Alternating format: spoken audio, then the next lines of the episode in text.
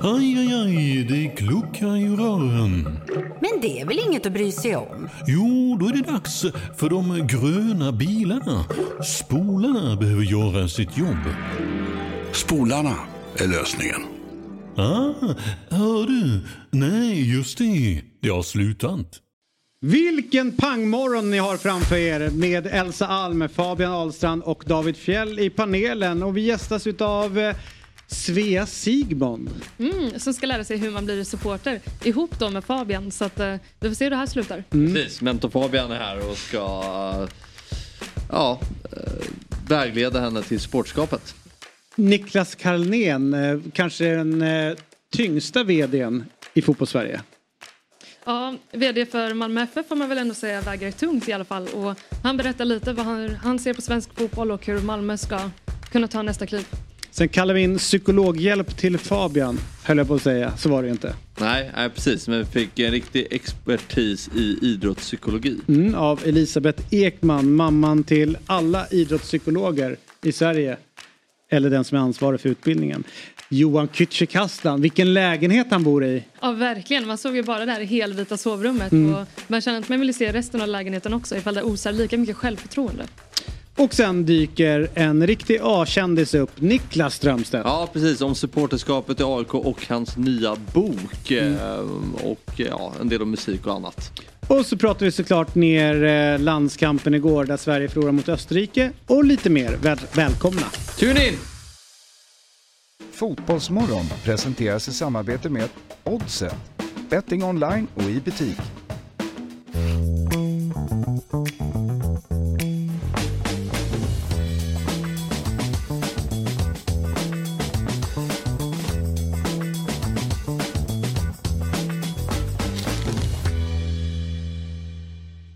God morgon, hjärtligt välkomna ska ni vara till Fotbollsmorgon. 13 september, vecka 37. Här sitter David Fjell, Elsa Alm och Fabian Ahlstrand Strand, så här dagen efter eh, uttåget, får vi ändå säga, i, eh, i det här kvalspelandet.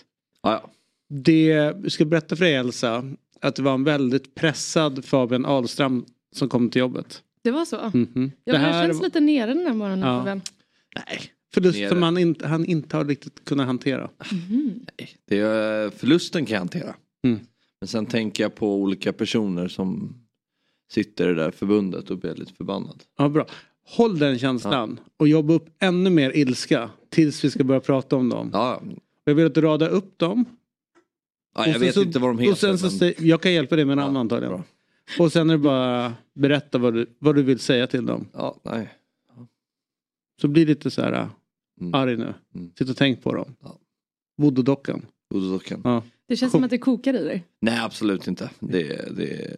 Allt, Nej. det finns ingenting som har hänt här. Det finns inget, it's nothing to see here. Cirkulera. Så eh, har vi med oss eh, komikern eh, Svea Sigmund. Ja, Och precis. det här är en lite rolig grej därför att för några veckor sedan så tog jag henne till hennes första fotbollsmatch.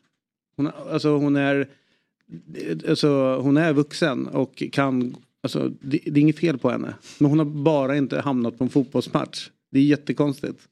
Eh, så det var ju väldigt kul. Och nu ska vi alltså eh, se till så att hon får ett nytt, alltså hon ska få ett favoritlag. Hon ska bli en fotbollssupporter. Mm. Så att hon har ingen relation till fotboll. Och vet du vem hon ska få som mentor? Berätta. Fabian Ahlstrand.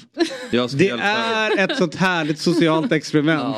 När man sätter ett mentorskap i händerna på Fabian Ahlstrand. Ja, precis, så jag går in liksom med öppna armar här. Jag lägger ingen värdering i sådär. Mm. I vilket Eh, nej, nej, nej, nej, Nej, nej, ingenting. Jag, jag är helt neutral i sammanhanget. Så det här ska bli väldigt kul. Och det här ska vi följa upp. Det här Ja. är inte bara idag. Utan Nej. Vi ska inte komma fram till ett beslut idag. Utan det är nu vi börjar processen. Och så får vi se när och var vi hamnar i mål. Exakt, och det intressanta är ju någonstans, man borde ju ta en före och efterbild. Man tar en bild på Svea, Ja. alltså Sveas liv och leverne innan Fabian kommer in i hennes liv. Ja, Och sen så när de har jobbat ihop några år. Vad som har hänt med henne. ja nej men det ska bli kul. Ja. En, en, det kommer alltså skapas genom fotbollskväll en, en mini-Fabian. Men visst var hon med dig på AIK Varberg va? Ex- jo men det var hon. Ja. Ja, och då var för det jag hennes, träffade ju på henne. ja, och då var det Och, hennes eh, första match. Jag kommer ihåg en sak hon sa i alla fall. Det finns ett favoritlag hon vet att hon inte kommer välja. Mhm, och det är AIK. Ja. ja jag vet. Så hon steg i mina ögon direkt alltså. Jag tänkte det finns ju potential här.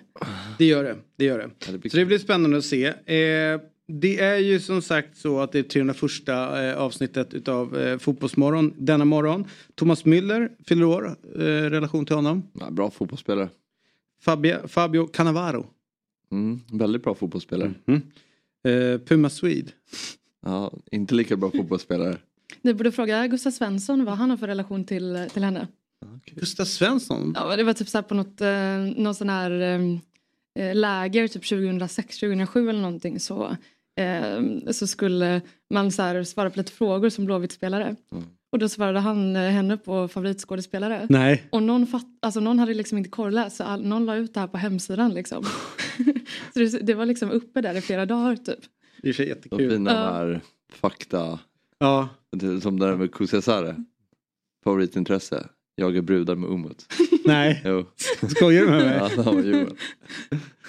Det var också han som sa, Jona nu som är hans son som är 16 år och liknande och kommer fram med AIKs eh, organisation nu.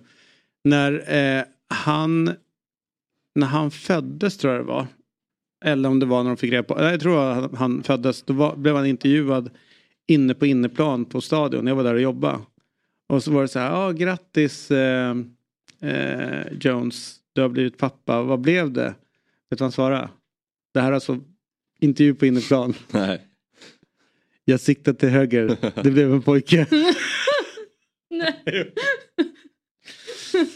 Alltså den är så stökig att säga. Och den pojken är nu Jonas som springer runt och... Det är bäst i världen. Ja. Det är, en, det är så otroligt märkligt svar. Ja. Det är väldigt roligt. Vad sa du? Det är väldigt roligt. Ja det är det. Alla bara, vad var han sa där egentligen? Hur reagerar publiken? Ja men det blev lite så här, jag tror de som... Lite nervösa skratt typ? Ja, några nervösa skratt. En del var vad, vad han sa egentligen. Alltså vet man fattar, vad sa han det han egentligen sa? Eh, och sen så var det några som, eh, såklart några som kanske inte var, körde samma humor som han. Men sen de som hörde det direkt och började skratta så blev det ju liksom, ja det blev ju lustig stämning. Han som intervjuade bara, ja, ja, ja, du säger det, okej det är andra Man hade blivit helt ställd. Ja, fan siktar man egentligen?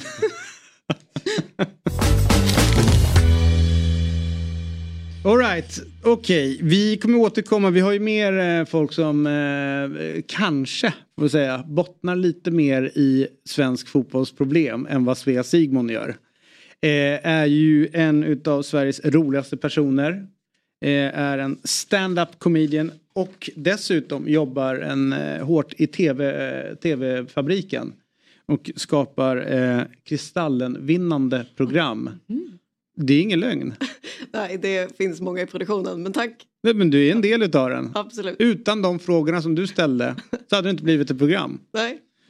Så att, Tack så mycket. man kan säga att grattis då till, Kristall, till eh, Kristallen. Dessutom grattis fram tills bara för en vecka. Noll koppling till fotbollen. Mm. Och då är vår fråga och den är genuin och den kommer verkligen så här från nyfikenhet.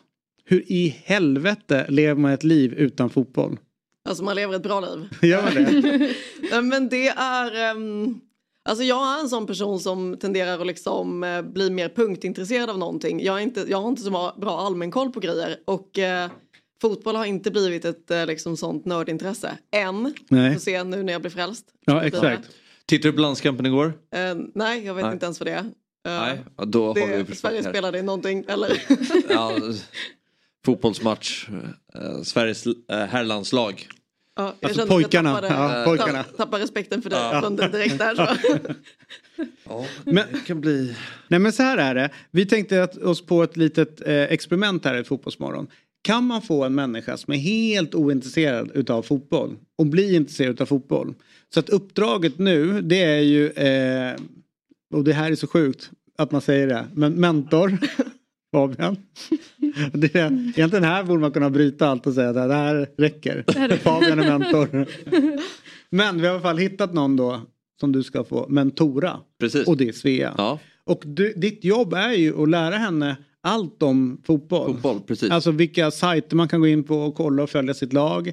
Vi ska ju fixa ett årskort. Ja. Och ni kommer behöva gå. Ja. Och Svea ska ju välja ett lag så att det kan ju bli Gnaget. Nej. Och då måste du gå på AIKs matcher. och det är jätteroligt. Jag tror ju dock att du skrämde iväg Svea från senast ni var på AIK. Ja. För att, vad jag vet så har du valt fem lag. Mm. Som du är mer intresserad av att följa än andra. Ja, jag valde på vilka som hade finast emblem. Och det är en bra start tycker jag. Det är precis där man ska börja. Sen är nästa steg matchtröjan. Men vi sätter igång då. Av, Spännande, kör nu ja, nu kör vi. Eh, Första föreningen som, eller klubb som vi har med på Sveas lista är, jag vet inte om jag har grafik på det, men det är Djurgårdens IF. Eh, om vi börjar med matchställ. Kostar alltså en matchtröja 1000 kronor. Eller 1100. Vi kan hjälpa till att sponsra om du vill ha den. Ja. Det är ganska dyrt Ja. men eh, som sagt den, är, den, är, den där är väldigt vacker. Eh, det är vacker färgkombination. eh, och, eh, eh, och man behöver som sagt en matchtröja. Det är alltid en bra boost att börja ett supporterskap med. Jag tycker man ska ta det vid den ändan. Ja, man ska ha matchtröja, det är viktigt. Ja. De spelar sina matcher på Tele2 Arena. Jag vet inte om du har varit där och besökt. Telefonkiosken. Ligger på, ligger på Söder ja. Vid Globen. Eller nej, nej. Alltså arenan bredvid Globen. Ja, precis. Nej. Sveriges näst största arena tar 30 000. Djurgården har ett hemmasnitt på 19 800 vilket är bra. Eh, vilket är bra. Ett av de eh, mesta publiklagen i, i, i Sverige. Eh, supporterföreningen heter Järnkaminerna. Och då ska jag ge dig ett tips. Eh, Stå inte och filma på Sofia-läktaren under match för då blir järnkaminerna arga och börjar eh, hota. Varför blir hon det? Nej, de började hota. Fråga, eh, det- fråga Fabbe, det är hans lag. Men de blev väldigt arga på sociala medier sen. Ja, ja men det blir de ja. Jo, men, eh, vad, vadå, att, att inte Hanna Friberg fick hot? Jo, jo, men Ja. kanske inte på plats Nej, liksom, utan det nej, kommer mer. exakt, Alltså, ja. sen, någon kanske är lite sur och ber folk lägga ner telefonen. Eh. Men jag tror att eh, hoten kom på Exakt. Instagram. Ja. Sen deras smeknamn. Eh, det finns inte riktigt något. Eh, men det är lite självutnämnd Stockholms stolthet för att det är hela Stockholms lag. Eh, Hammarby har ju mer tydlig identitet på Söder. Djurgården är mer hela Stockholms lag. Eh, De har också ett smeknamn vilket är aporna. Men det är kanske inte det ni kallar er själva. jag är som sagt neutral i sammanhanget. Okej. Eh, sen har jag valt ut några andra kategorier som heter dagsform, ekonomi, triumfer, trauman. Okej. Dagsform är ganska bra. Eh, man har en god ekonomi, man har ökande publiksnitt. Man ligger okej i tabellen, alltså matcherna man räknar, vinner man en match får man tre poäng.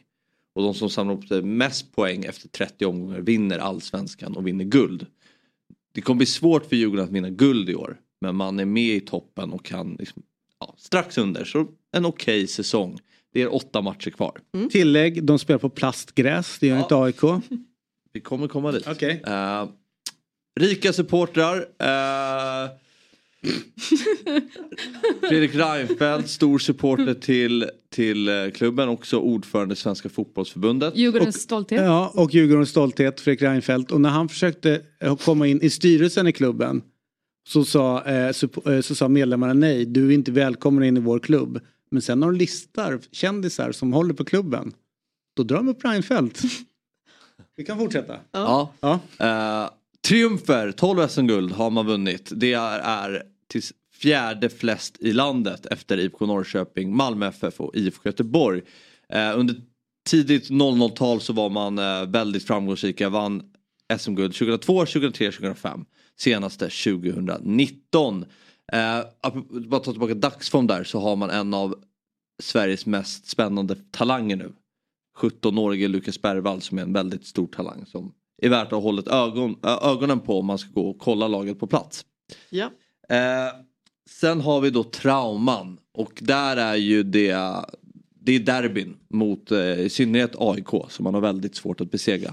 nu vann man senaste derbyt mot AIK i våras men innan dess så har man på de 23 senaste matcherna mot sin rival har man 14 förluster, 7 oavgjorda och 2 segrar.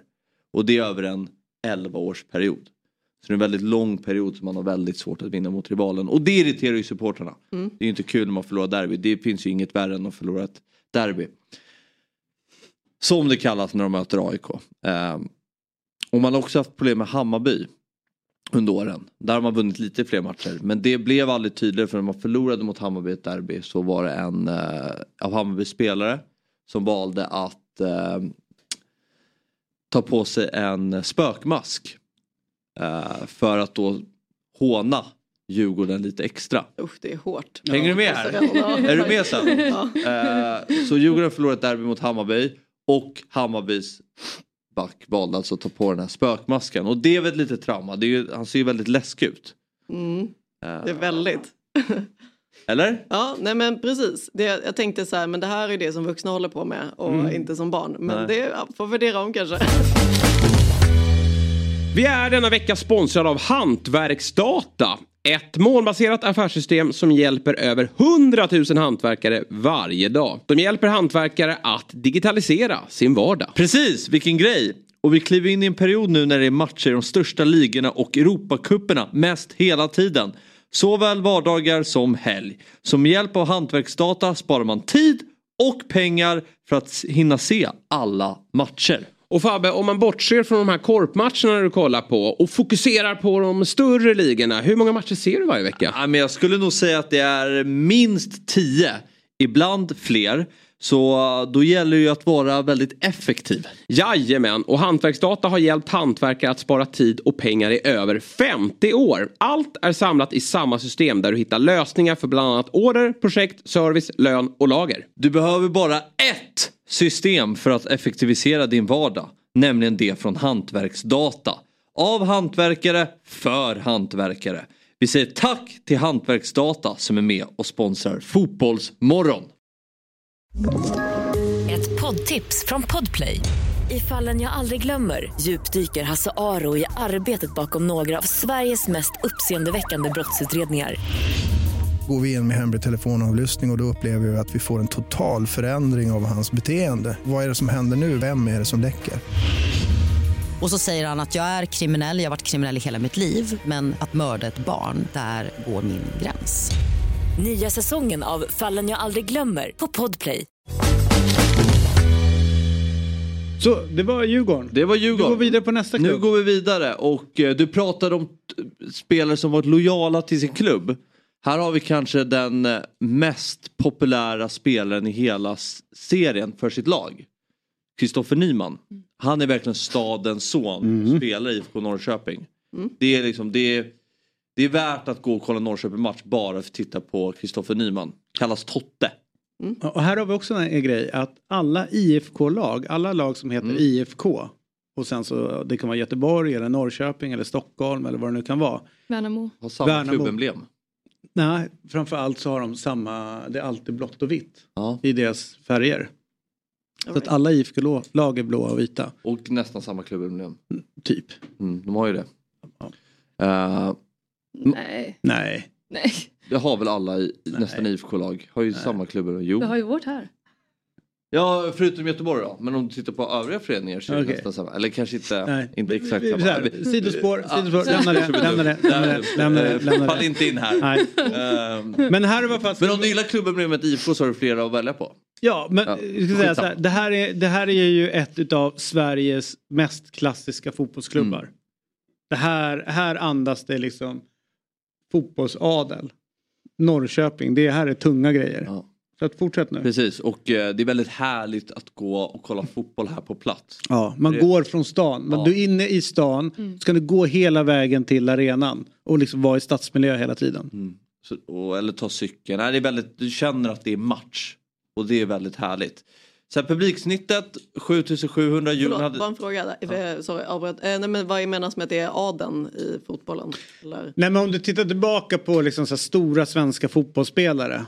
Eh, som, eh, så, ja, kanske inte modern tid.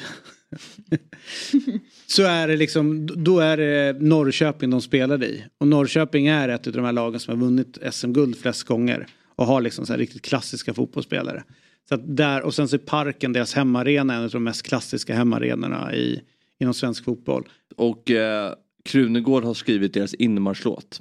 ett liv, ett lag. Så varje gång ett lag går in på plan så har de en, en låt. Så man går in till en inmarschlåt och den, Den- är väldigt bra. Exakt, och det du stod ju och skrattade när alla AIK ställde sig upp och sjöng inmarschlåten. Ja. Det är den låten, fast i Norrköping. Vad tyckte du om låten?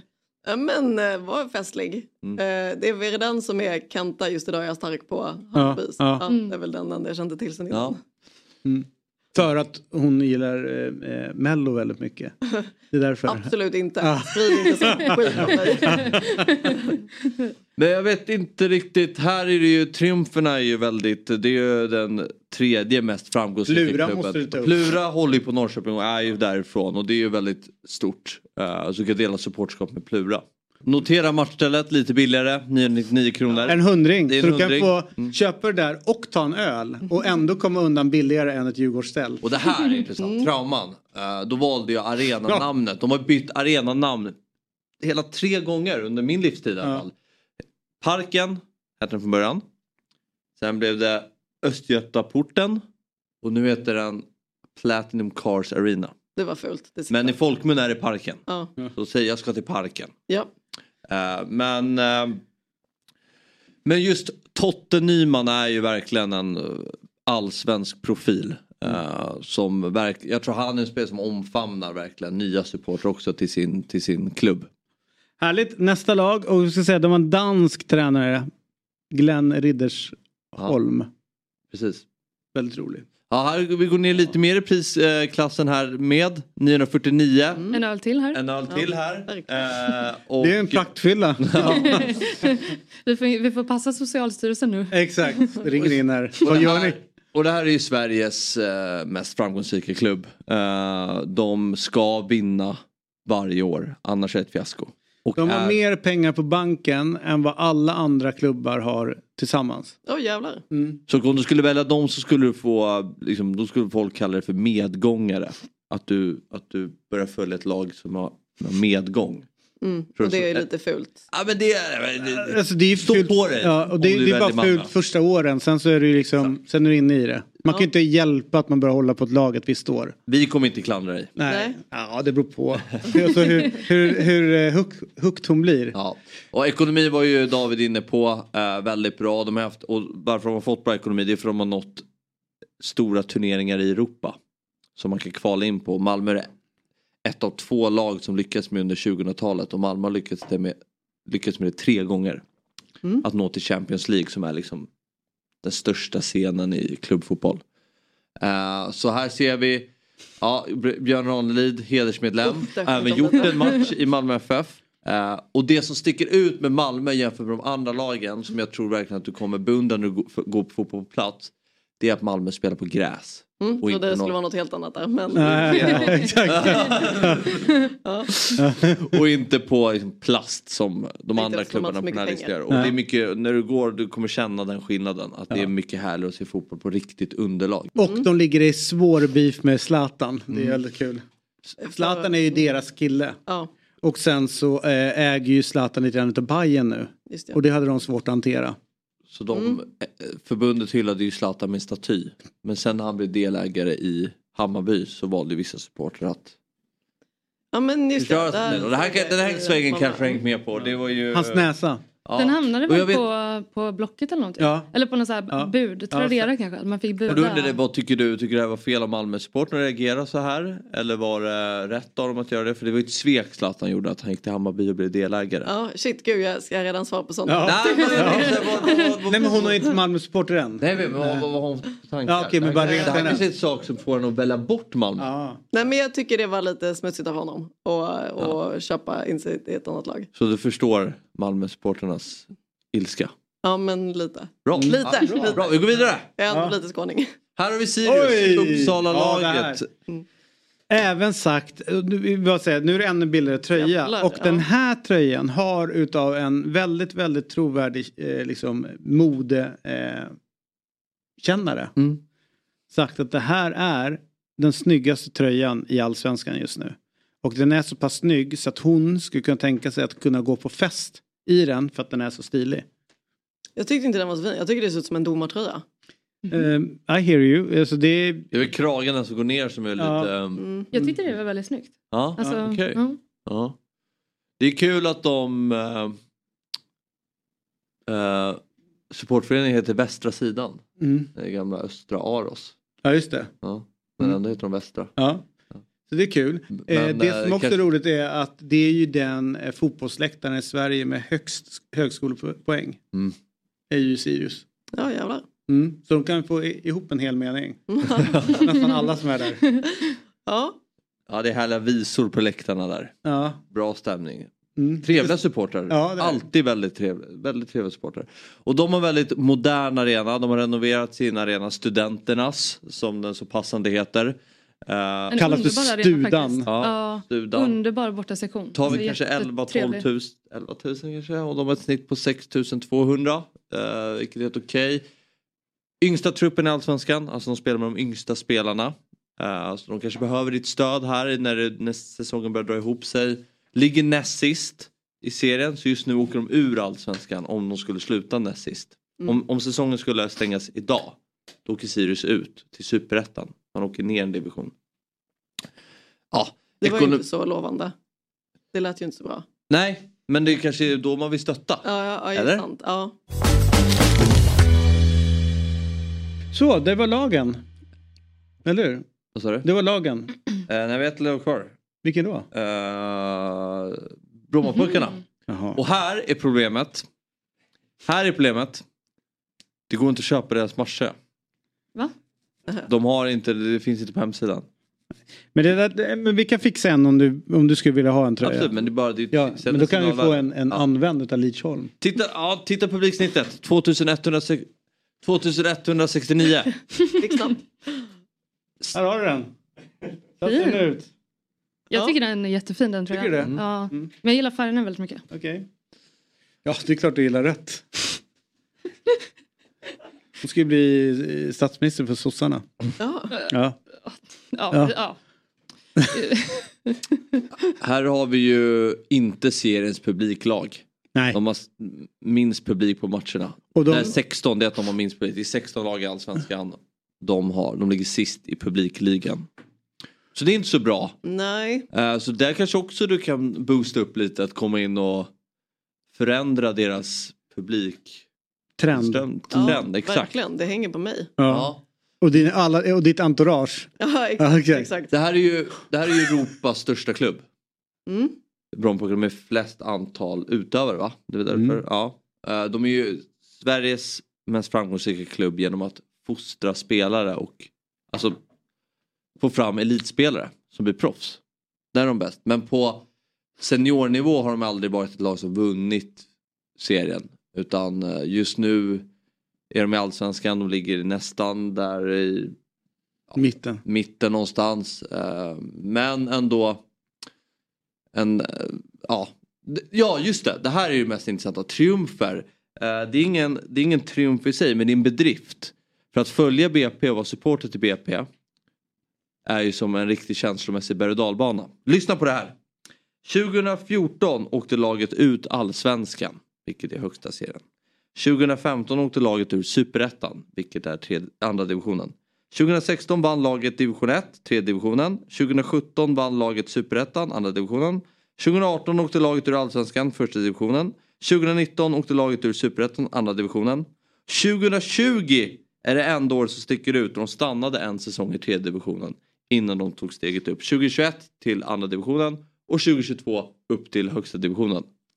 Ja. Kan Så man det tänka sig. är mycket upp och ner. Ja. Upp och ner sådär. Eh, och uh, trauman, ja, jag vet inte.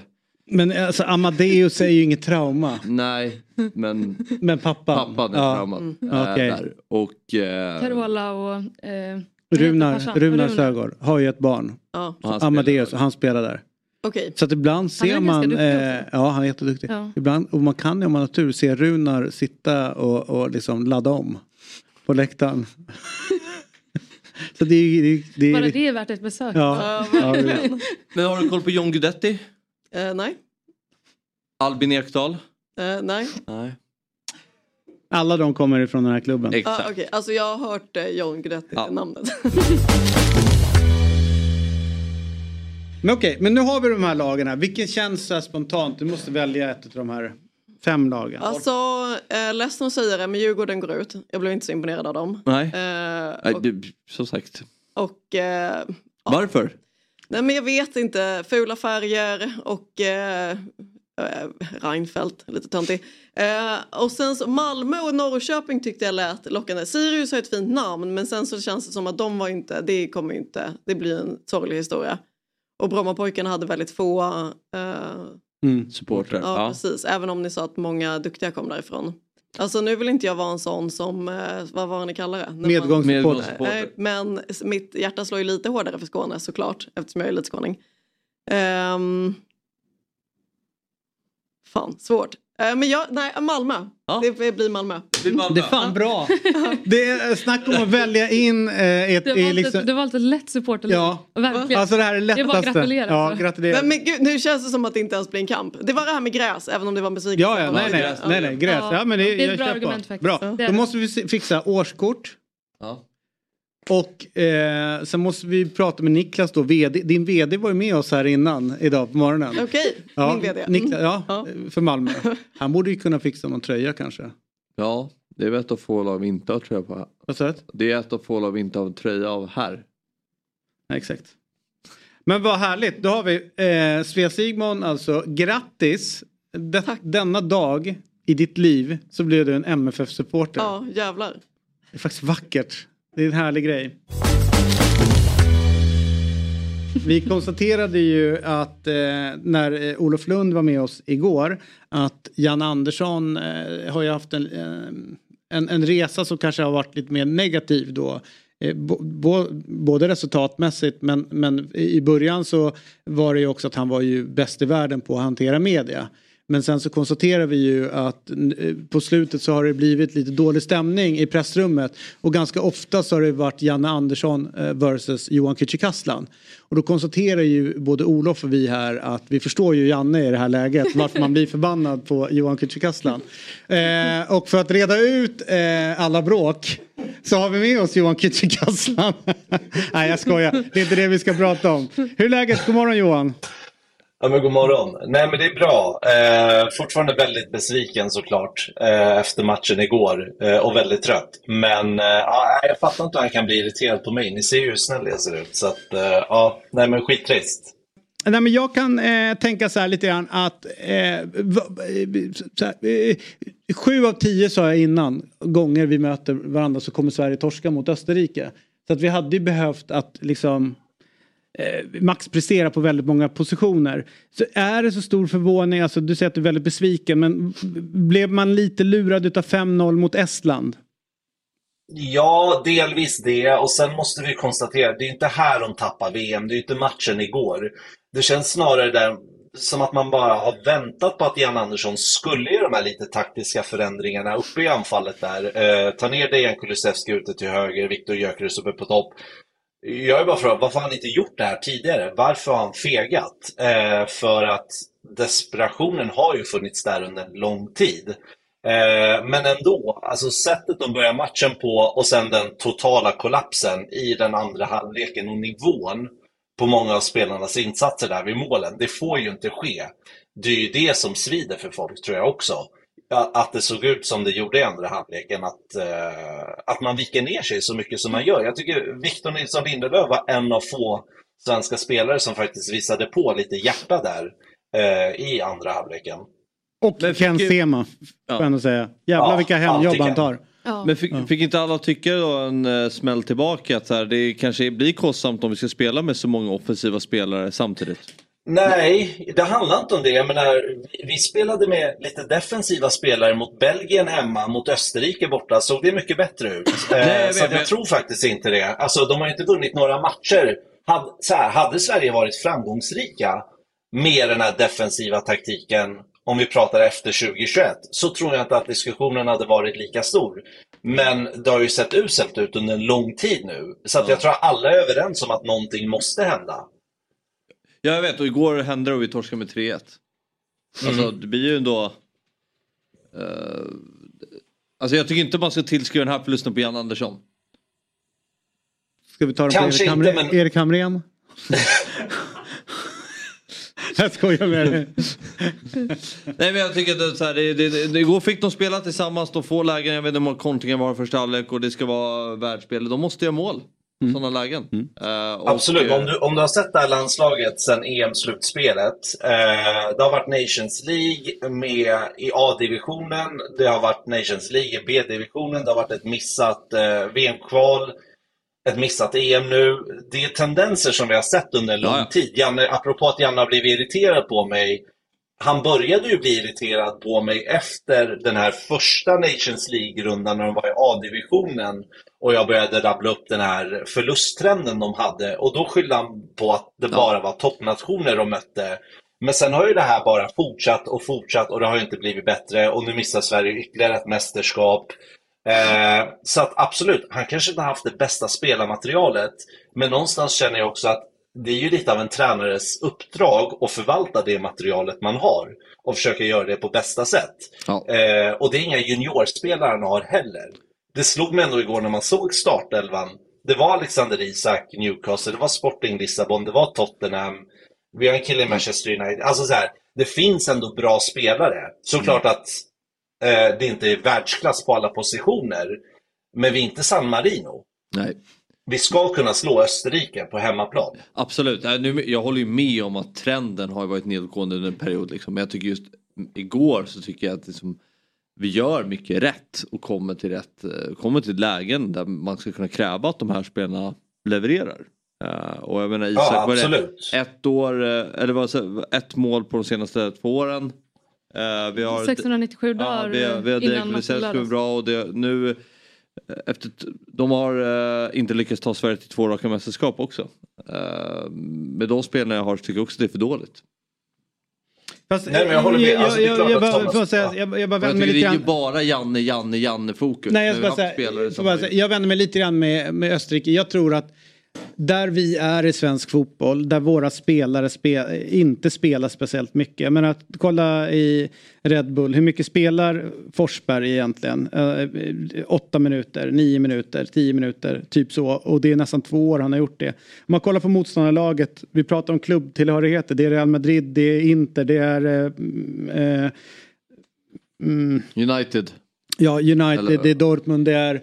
Alltså vet det är spelare som vi kanske inte känner igen namnen på.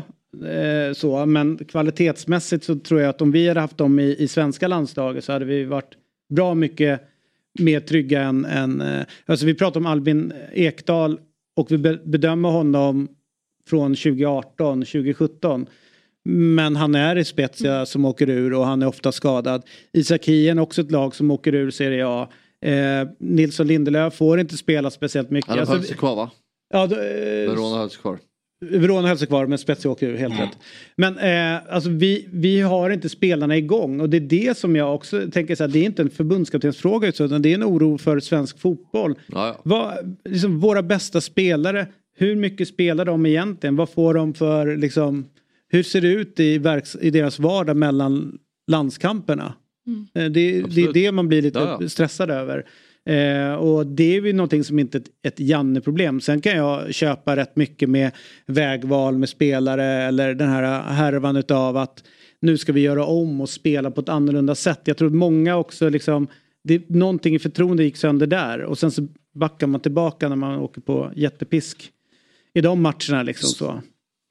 Så är det med Dejan Kulusevski erkänner ju efter matchen också. De, de är ju fortfarande så att det är inte deras jobb att kommentera Jannes framtid. Men han säger ju själv, vi är två generationer.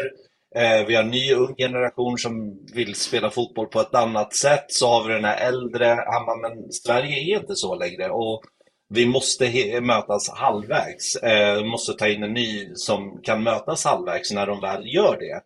Eh, och det ligger ju lite i det att han har den här yngre generationen som inte gillar att spela den fotbollen han vill spela.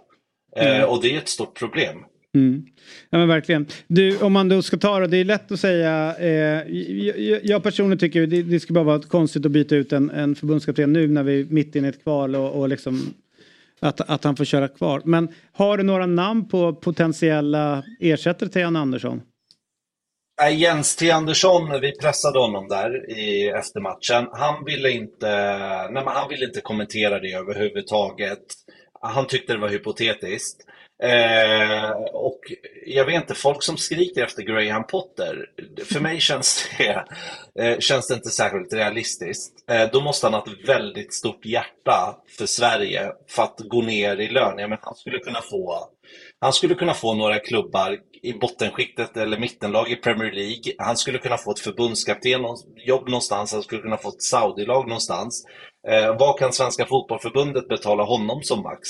Kanske 10 miljoner. Eh, det är mycket pengar, men han kan få betydligt mer pengar någon annanstans. Eh, så att jag tror det är lite naivt att hoppas på honom. Men det är de här namnen som alla har rabblat upp. Det finns ingen given kandidat, det gör det inte. Eh, problemet också för eh, förbundet här är ju om man sparkar Janne och bara tar in en tillfällig tränare. Det löser ju inte någonting heller. Eh, det är inget klubblag här att man, eh, med, med tanke på hur läget i tabellen ser ut, att eh, så här, EM går att rädda så nu tar in en ny röst i omklädningsrummet. Så att det handlar mer om de har ett nytt namn klar, långsiktigt. Då är det ett jättebra tillfälle att ta in eh, den tränaren nu. Men om man bara ska ta in någon tillfälligt så förstår jag att de inte vill sparka henne. Och han tänker ju absolut inte avgå eh, självmant. Det, det konstaterade han flera gånger igår. Mm. Så är det ju. Eh, härligt du eh, Johan, tusen tack för den här morgonen.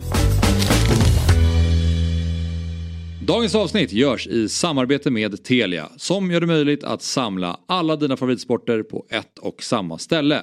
Följ bland annat Premier League, Champions League, seriespelet i SHL och slutspurten i Allsvenskan. I Telia Play-appen sänds alla matcher live men går också att se i efterhand.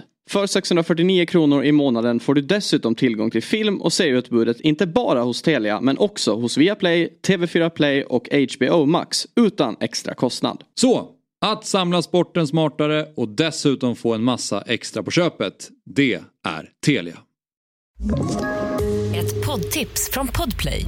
I fallen jag aldrig glömmer djupdyker Hasse Aro i arbetet bakom några av Sveriges mest uppseendeväckande brottsutredningar. Går vi in med hemlig telefonavlyssning och, och då upplever vi att vi får en total förändring av hans beteende. Vad är det som händer nu? Vem är det som läcker? Och så säger han att jag är kriminell, jag har varit kriminell i hela mitt liv men att mörda ett barn, där går min gräns. Nya säsongen av Fallen jag aldrig glömmer på Podplay. In i studion har en av författarna till AIKs inmarschlåt när, eh, kommit och till När vi gräver guld i USA. Eh, ja, alltså, det är ju vissa som kommer hit som man inte ens behöver introducera. Alla vet vilka de är.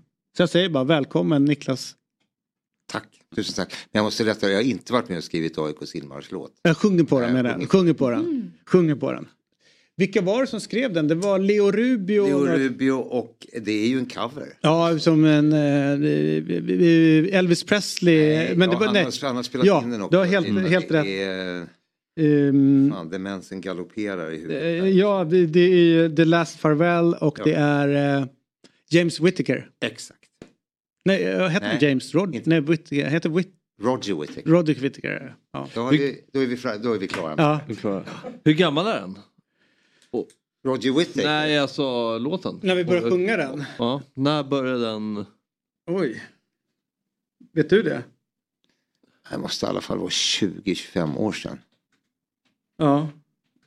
Jag kommer ihåg när, när de brukade spela en gammal Tore Skogman-låt. Mm. Här, AIK, AIK, toppen av toppen, du ska nå. Ja, det. det var så jävligt roligt. Och Bosse Larssons den här AIK, eh, hej. Ja. Ja, hej, ja. Ja. Det var ju roligt, ni har ju också gamla roliga så här, eh, Göran, vet du, skytt, sköts, skyfts, skyfts, så här. Eh, heja blå, Exakt. heja blå. Mycket dansband Ja. eh, hos oss också. Fast den är, alltså Blåvitt är ju genial. Tänker du på inmarschlåten? Ja. Ja, jag är Vår ju... måljingel tycker jag är blandad kvalitet. Men, ehm, Vilken är det? Ja, men det är ju Heja Blåvitt som Jaha, vår måljingel. Jaha. Fast inmarschlåten In- som Joel ja, Alme har skrivit är är ju... fantastisk. Ja. Jag har ju sagt i det här sammanhanget tusen gånger men får ju aldrig med mig någon från Malmö men jag gillar ju deras inmarschlåt. Jag tycker den är, eh, ja, men den är pampig liksom, mäktig. Eh, bra inramning. Ja, lite störigt tycker jag. Ja men det är för att de är Malmö. Malmö och så jävla bra. Men det klär ju dem på något sätt Ja, att ha en sån liksom eh, lite dryg sådär, liksom, Ja, så här, det klappa oss på huvudet. Mm. Var kommer ditt fotbollsintresse ifrån? Jag spelade ju väldigt mycket fotboll själv när jag var liten och eh, när jag växte upp. Och eh, så började jag gå på, på Råsunda eh, redan som, jag fick följa med redan som sju, åttaåring med Minns det Annika Hagström, Mm. journalist? Ja. Hon var på den tiden ihop med en kille som heter Börje Fridlund som var eh, gammal målvakt i AIK. Du kan ta ur dem om du inte vill ha dem. Ja. kan- ja. Ja. Som var gammal målvakt i AIK som eh, sen blev kassör i, i AIK fotboll. Och Han tog med mig. För eh, min pappa var kompis med Annika Hagström. Så det, det var där någonstans som jag blev aik när jag var så här sju år. Mm. Och vad är det som fascinerar med supporterskapet tycker? För, eh, för de som inte känner till det och för de andra så är det att Niklas är ju eh, en, en del om man säger så här jättekändisar dyker upp på läktare ibland och så kan man liksom det går bra för laget.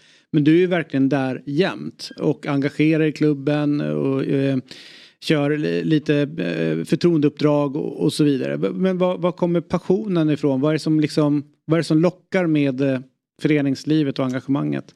Dels tycker jag det är hela stämningen, speciellt som det är nu, har blivit de senaste åren. Den, alltså, sup- supporterkulturen när den är som bäst så är det ju fantastiskt.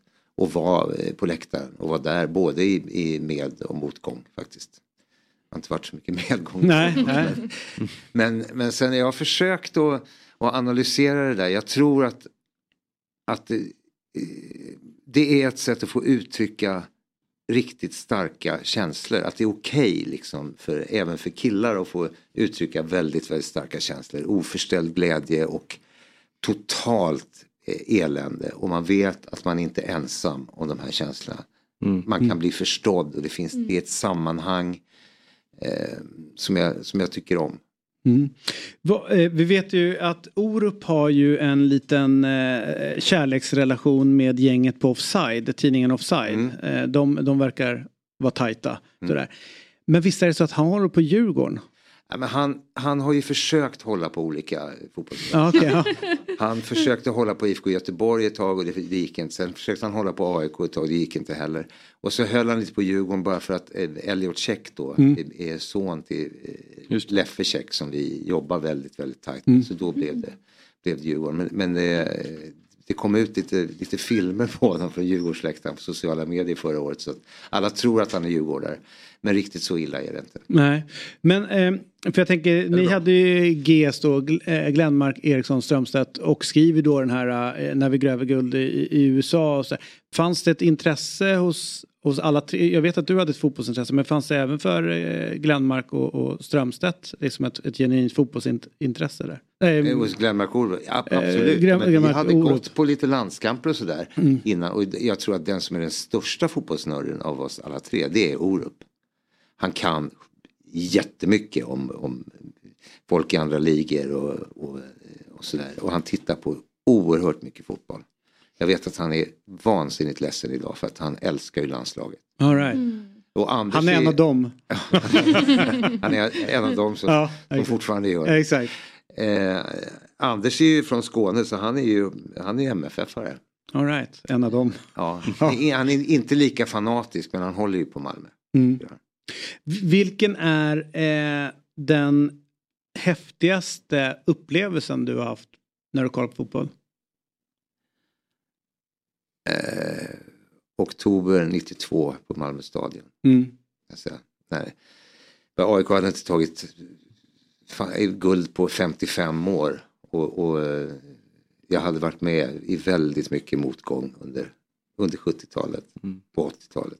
Så när det äntligen då blev, blev ett guld så var det helt fantastiskt. Overkligt faktiskt. Ja, ja det, var, det var mäktigt. Ja. Hur gammal, hur gammal var du då? 92 då var jag 34. Ja. Bästa spelaren då som du har blivit fascinerad utav? Eh, ja, det finns ju några stycken. Alltså jag älskade ju bröderna Leback Ja. på, på den tiden. Men Ivan Obolo var en fantastisk spelare. Mm. Men sen, vi, vi har inte haft så många dåliga överhuvudtaget. Nej, det är bara bra som värvar stadion. Men jävligt dåliga tränare som inte lyckas Sen tyckte jag förvalta faktiskt om Dag Supanski som, som, som kom från Malmö. som spelade i AIK. Och han var en så här, ele- elegant spelare. Och Nesho också. Mm. Ja, det är ju många som helst. Kärna. Kärn, ja. Hur, var, hur gick arenabytet till för dig? Var det jobbigt? Ja, det var jobbigt. Är det fortfarande jobbigt? Nej, jag börjar vänja mig. Eh, Men eh, de första åren tycker jag det var jättekonstigt. Underlig akustik. eh, Lite steril arena. Den hade inte vuxit i sig själv. Och, och... Nej, men det, det tog ett tag. Man ska ha respekt för det här med arenor tänker jag. Liksom, eh, att om man under väldigt många år har suttit på ett ställe då har man ju sin vinkel, sin närhet, alltså vet alltihopa till matcherna och, och sitt lag. Och sen när man byter det så blir det en helt ny kuliss. Det är ju egentligen som att komma till en bortamatch i ja. början liksom. Och sen så måste man liksom jobba in sig och, och vänja sig vid rutiner och, och allt det som fanns på, på sin gamla arena. Och ni har ju haft, inte helt samma resa men ändå de som var med när det, när det spelas på Nya Ullevi och nu är det på Gamla Ullevi så fick ju de göra den resan. Verkligen. Och där kan man väl säga att gamla Ullevi, eller gamla, nya, gamla, gamla Ullevi, Mm. vad man nu ska säga liksom. Är, Nya gamla. ja, ja, alltså kärt barn har många namn men det är ju liksom en, en ganska bra arena för att man, man kommer ju ganska nära planen och det är liksom ändå, alltså akustiken blir väldigt bra sett till att det är liksom, det blir som en liten borg. Men den är lite för liten och alltså, ståplats är ju byggd som två etage. Ja. Så vi, vi som är på ståplats hamnar lite långt ifrån planen. Eh, men jag kan också tänka mig när det kommer till, till Friends att där tycker jag också att AIK kanske har växt in i den arenan ganska bra. Eh, jag vet att jag såg, det var någon som la ut på sociala medier häromdagen, typ när AIK mötte BK Häcken 2016 och hade 6000 personer på plats. Och man såg liksom, det var i princip bara några stå som hade liksom, ja, sin kärna men, men kanterna var ganska glesa och sen var ju resten av arenan gles. Och där kan jag tänka mig när det är så skralt att det blir väldigt tomt på den arenan. Men nu när jag var där på liksom Varberg, ja men AIK Varberg så, så blev jag man stänger, jätteimponerad. när man stänger av Ja, över jag förstår etaget också. så, Ja, känns det ju bättre. Men det är ju roligare att ha en... Alltså, jag skulle mycket hellre se att det var en arena som tog kanske 28 000. Som, så att man är tvungen att, att vara ute i tid för Ja. att få biljett. För att vara säker på att få, få se matchen. För nu vet man ju att om det är derby så alla som vill gå kan typ gå. Det är bara att man öppnar upp en till så att man får inte den där hetsen. Jag vet att Djurgården gjorde en ganska smart grej. Eh, eh, Jan Ednertz heter han som började jobba med, med biljetter på Djurgården Hockey. Eh, och han var ju drivande att då flytta tillbaks till Hovet Mm. från Globen. Han sa att det är för mycket platser här. Vi måste bara in, in, in på Hovet. Det är så tungt sportsligt den perioden. Exakt. Det var ju så, Och så in- kom ju. Nej, och in där och sen så liksom börja med att prata med alla som någon gång har stått på en ståplats. Jag vill följa, fylla den där. Sen började jag bara jobba aktivt mot dem. Så han fick ju hela kurvan inne på Hovet fylld. Och sen kom vanlisarna. De vill- ha stämningen. Och sen bam, lapp och luckan. Och så körde de det ett tag. Och folk blev ju förbannade. Men flytta till Globen. Nej, nej, nej. Vi håller fast vid det här. Och så fick de upp intresse på det sättet. Så det, Mm. där är ju problemet med AIK. Så Malmö har fördelen egentligen. Där de egentligen kan, nej men det är, det är kört nu. Ni, ni kommer inte in. Men där måste jag också säga att jag alltså, blir väldigt imponerad av när man är på Djurgården. Eh, som jag tycker är en av de eh, som har bäst sittplats i Sverige. Ja, då har du inte varit på... äh, Jo det har jag ju faktiskt. du kan inte säga att jag inte har varit på Gnarp. Ja, det har det, jag, jag, jag träffade ju dig där. Ja, exakt, exakt. Bekväma säten. Ja, Nej men också när man sitter på, alltså på pressläktarna då sitter man ju mitt i så då är det lite kul för då kan man verkligen följa alltså läktarkampen liksom. Mm. Eh, och i och för sig så har jag varit, när jag har gått och sett i Djurgården så har det varit så här Europamatcher eller mot, mot eh, Malmö så det kanske är lite svårt att jämföra mot, ja, men mot Varberg liksom som AIK men där tycker jag ändå att så här, när det är så att motståndaren får liksom ett, ett inkast eller så så ställer sig liksom 20 pers runt om eh, och någonstans ändå skapar ett tryck. Mm. Eh, och det är jag jätteimponerad över hur man arbetar liksom med, med sittplatspubliken på Djurgården. Att de blir som en förlängning av Sofia-läktaren. På ett sätt som jag blir väldigt imponerad över. Fast några som har tänkt hela varvet runt där det är ju Malmö. Alltså de har ju dels deras då ståplats. Sen har de ju aktiva sittplats eller sjungande. Alltså du vet de är ju verkligen eh, olika sektioner där det är nästan här, här beter man sig på det här sättet. Mm. Så att de har verkligen fått ut det på ett, på ett härligt sätt. Jag tycker Djurgården är ännu bättre. Alltså, Jag kan inte sträcka mig så långt. Jag kan inte, det går inte. Jag kan inte ge dig rätt där. Det är ledsen. Och där måste jag säga, där måste jag vara lite Här är kritisk mot vår... högst neutral Ja, i det här sammanhanget. Jag kan till och med säga att jag kan vara lite kritisk mot vår sittplatspublik som jag tycker att så här, eh, ja, men, eh, sällan liksom försöker bidra till att skapa det här trycket även från långsidorna. Liksom. Eh, och det var lite kul faktiskt när jag var på, ja, men på AIK-matchen. Då, då satt jag bredvid någon på, på pressläktaren som eh, när, eh, när klacken drar igång sittplats ställer upp Mm. eh, så, så säger han varför ska de ställa sig upp? De har betalat för sitt plats. Ja, ja, ja. Nej men det är många runt omkring där jag sitter som har, eh, som har den eh, uppfattningen också, undertecknad. Hörru du, eh, Niklas, det som är roligt med dig det är ju att där, där många kan tycka att äh, jag orkar inte sticka ut hakan i den, här, i den här frågan därför att det kommer storma allt för mycket. Du är ju principfast och du håller vid dina värderingar och står upp för dem hårt. Hur orkar du eh, liksom ta eh, fighten i bland annat sociala medier och så vidare givet liksom den shitstormen som sen kommer tillbaks mot dig? Hur orkar du liksom stå upp mot det där? För jag, har ju- ja, jag har hört av mig någon gång till dig när du stormat på och sen så har jag noterat liksom, dina men det- svar och sådär ja, som du nej, får på. jag, jag är inte lika mycket på sociala medier längre. Nej men jag tänkte du har ju varit under... Ja. Eh, Nej men om man tar nu vad, eh, Twitter eller Ja. X, Ja. vad de kallar det, Mm. så är det ju det är ju bara en jävla kloak numera. Ja. Ja, det är liksom ingen idé att hålla på. Jag blir bara förbannad när jag går in. Mm. På något sätt. Så, att, så att det, där är jag inte nästan, nästan någonting. Eh, de andra är ju snällare. Va? Alltså, Instagram och Facebook och sådär, det är på något sätt snällare. Mm. Och där det har inte varit så mycket shitstorm på en senare tid. Man, om jag lägger upp något, något eh, AIK så får man, då kan man säga nej, Varberg är bäst. Mm. Eller, eller något sånt. Det är ganska snällt. Mm. Men, men du skriver ju också väldigt roligt efter, så kan du berätta gärna för de som inte känner till det. Vad skriver du varje gång AIK har vunnit? Munsbit, Ja. jag skriver, jag skriver IFK Göteborg, punkt, munsbit. Ja, ja, varje gång. Ja. Och då kommer de, hur menar du? Ja. Och det sjuka är, jag blir så... Då kommer jag också Ja, inskriven Ja, det är lite kaxigt. Ja, men, men jag det är- älskar det. Men det som är jobbigt med den är ju, det var en gång när jag hade valt att eh, gjort en fabbe, alltså att man inte kollar, kunde inte kolla matchen, duckat alltihopa, eh, lyckas liksom få liksom, inte resultatet, inte prata med någon och du vet sådär. Så. Precis när matchen, matchen ska börja, bing, dyker upp på Twitter. Munsbit. Munsbit! Jag bara den här jävla Strömstedt. nu vet Det hade varit jag- värre om det inte hade dykt upp. Ja, ja, i och för sig. Ja, i sig. Men det var ju, då blev jag lite pressad. Men kan du inte se fram emot det då? Då vet du att du har liksom två timmar framför dig där du bara kan sitta och njuta Ja. av att, någonting som du vet kommer Men vi var inne i liksom. ganska bra trend där så man var ändå självsäker. Så det. Men du eh, Niklas, eh, eh, det är ju bok på gång också. Eh, en det. självbiografi som heter Om Niklas Strömstedt. Vilket fint omslag. Ja. Det? Vilka fina färger. Ja. Ja. Den sticker ut i en eh, Ja, det hylla. syns i boken. Ja, Verkligen. sånt är viktigt. Eh, varför vill du skriva en bok? Eh, därför att jag har, jag har fått frågan i ganska många år.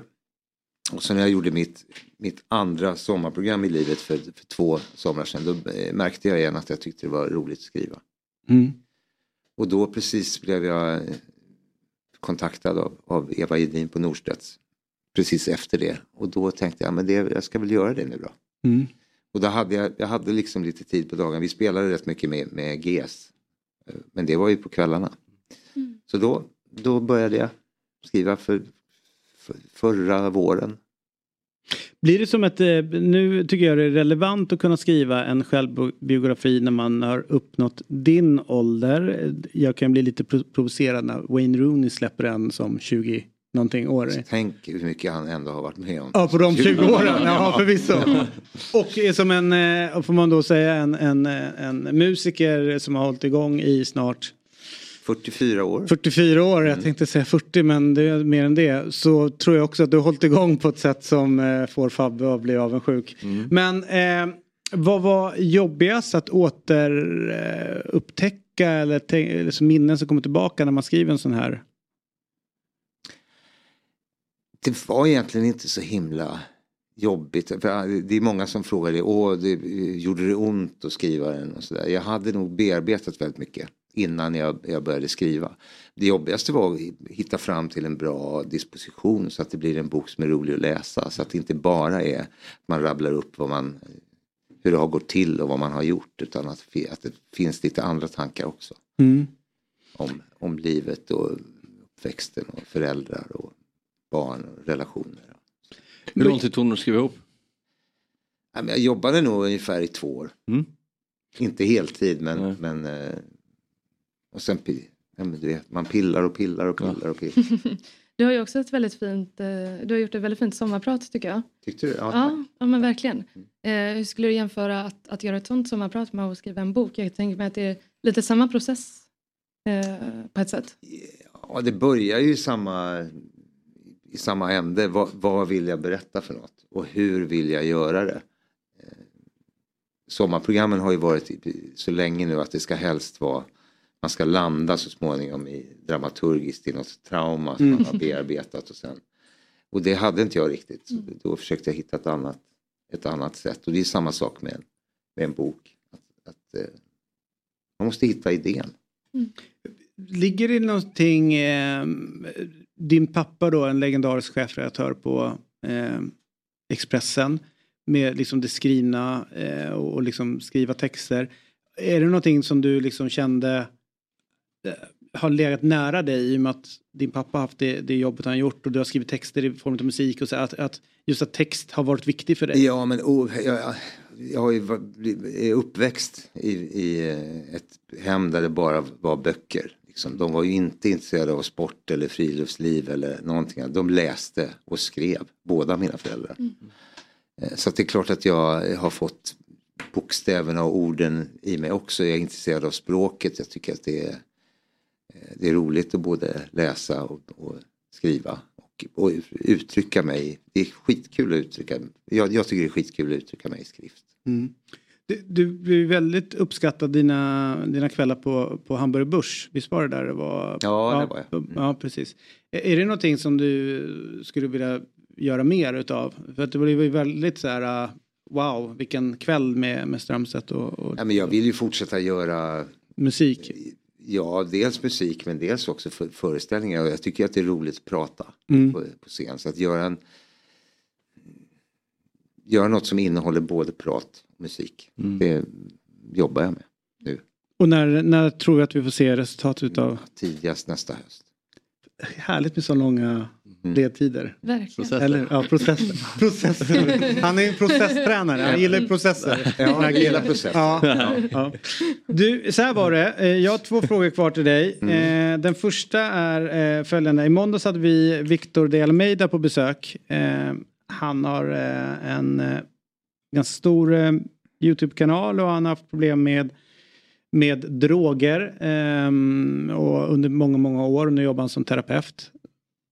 Med, och släppte en bok eh, nyligen, så han var här i måndags. Och eh, eh, då fick han som sista fråga att han skulle ställa en fråga till vår nästa gäst utan att veta vem gästen är. Ja, det är ju roligt. Ja. Ja. Så här kommer den. Ja. Vad är det för fördomar eller missförstånd som folk har om dig som inte stämmer? Ja, att jag är en, en eh, melankolisk, ledsen typ som bara skriver låtar i moll om överkörda fåglar. Ja, ja den där Det jävla stämmer inte riktigt. fågeln där ja, som du körde på. Det känns som en Eh, ganska glad typ i grunden. Jag är, jag är en väldigt glad typ i grunden. Vad härligt. Jag tycker ju om låtar i moll. Och, och, och, eh, alltså skulle jag göra en lista på låtar, tio, min tio topplista skulle alla tio handla om elände. Hur, hur tror du att det blir så ändå en eh, människa som ändå är positiv, ändå gillar att stå ute och, och liksom uppträda, stå på scen och få ögonen. Men när du lyssnar på musik så är det i moll. Alltså det, Ja, det blir ju- lite... Det är inte bara i moll, Nej, men, men- men, men det är ju lätt, det är ju lätt att skriva av sig, skriva låtar när man inte mår så bra. Mm. När, det, när det är motigt på, på, olika, på olika sätt. Och jag, jag tror det var Lasse Winnerbäck som sa det i, i ett tv-program som jag gjorde med honom. att vad fan, man är lycklig, varför ska man skriva låtar då? Då kan man göra andra saker. Ja, för sig. Det är bra. Eh, eh, men du, eh, en, grej då eh, innan den sista frågan. Eh, när vi gräver guld i USA blev ju ofantligt stor. Kan du känna när ni skrev låten så här att den har eh, fått eh, den har flygit mer än vad kvaliteten på den förtjänar. PGA framgången för landslaget. Absolut. Alltså att ja, det är, Ingen tvekan. att du känner, men att den är- här låten som jag skrev den är tusen gånger bättre. Vad nej, fan håller tycker på med den här? Det är, alltså det finns ingen låt som är så fylld av, av positiv energi som, som när man hör det där introt. Det, och det hänger ju såklart ihop med den där sommaren. Sen ty, jag tycker att det är en bra poplåt. Det var första gången vi tre gjorde någonting ihop och, och våra röster klingar bra. Och, det är en bra anfallstrio helt enkelt. Ja. Men den, ha- det, ingen hade brytt sig om den där låten om vi inte hade gått vidare från kvarten. Det Nej. tror jag inte. Så fick alla in en textrad från eh, någon egen låt va? Här står alla pojkarna på rad. Det är väl eh, Orup Mm. och sen så eh, och, och hon har blommor i Det sitt hår. eh, Är ju, men vilken var din rad? Tillsammans är vi oslagbara. Ja, så är det ja. Mm. Där är det. Där är jag. Slarvigt utav mig. ja, nej, där har vi. Åker AIK ur? Sista frågan. Nej. Vad härligt. Först så nu så ska vi eh, ta oss an stora DIF och sen ska vi ta oss an lilla. Lilla DIF Ja. på en och samma vecka. Ja. Ja. Ja, fast DIF tvärtom, va?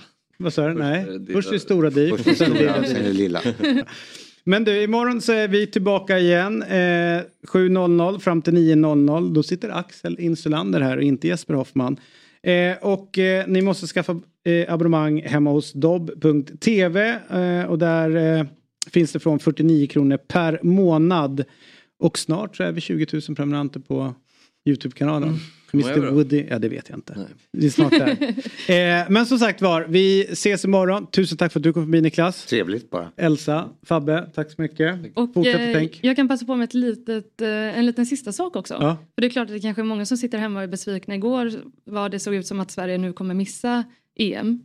Men eh, jag kan berätta att vi faktiskt har vunnit ett, en EM-medalj i helgen. Jaha, ja, ja. Det I vi- gaffeltruck eller? Nej, det är så att vi har gått och kammat hem EM i servering. Är det sant? Evelina Fält, 22 år gammal. All att, right. eh, Jag Det är tycker det, en var lite liten, eh, EM i servering igår också. Ja, är det, är det, ja, precis. Ja, eh, nu är det vår svenska backlinje. Tur att inte de var med där.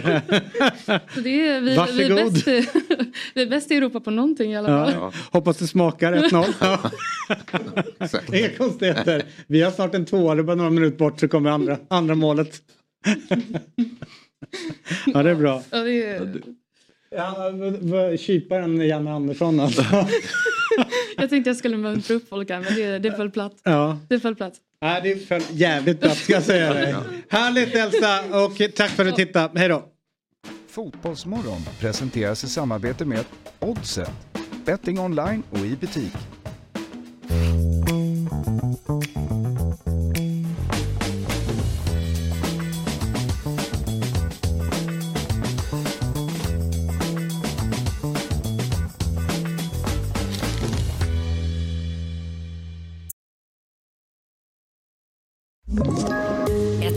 Poddtips från Podplay.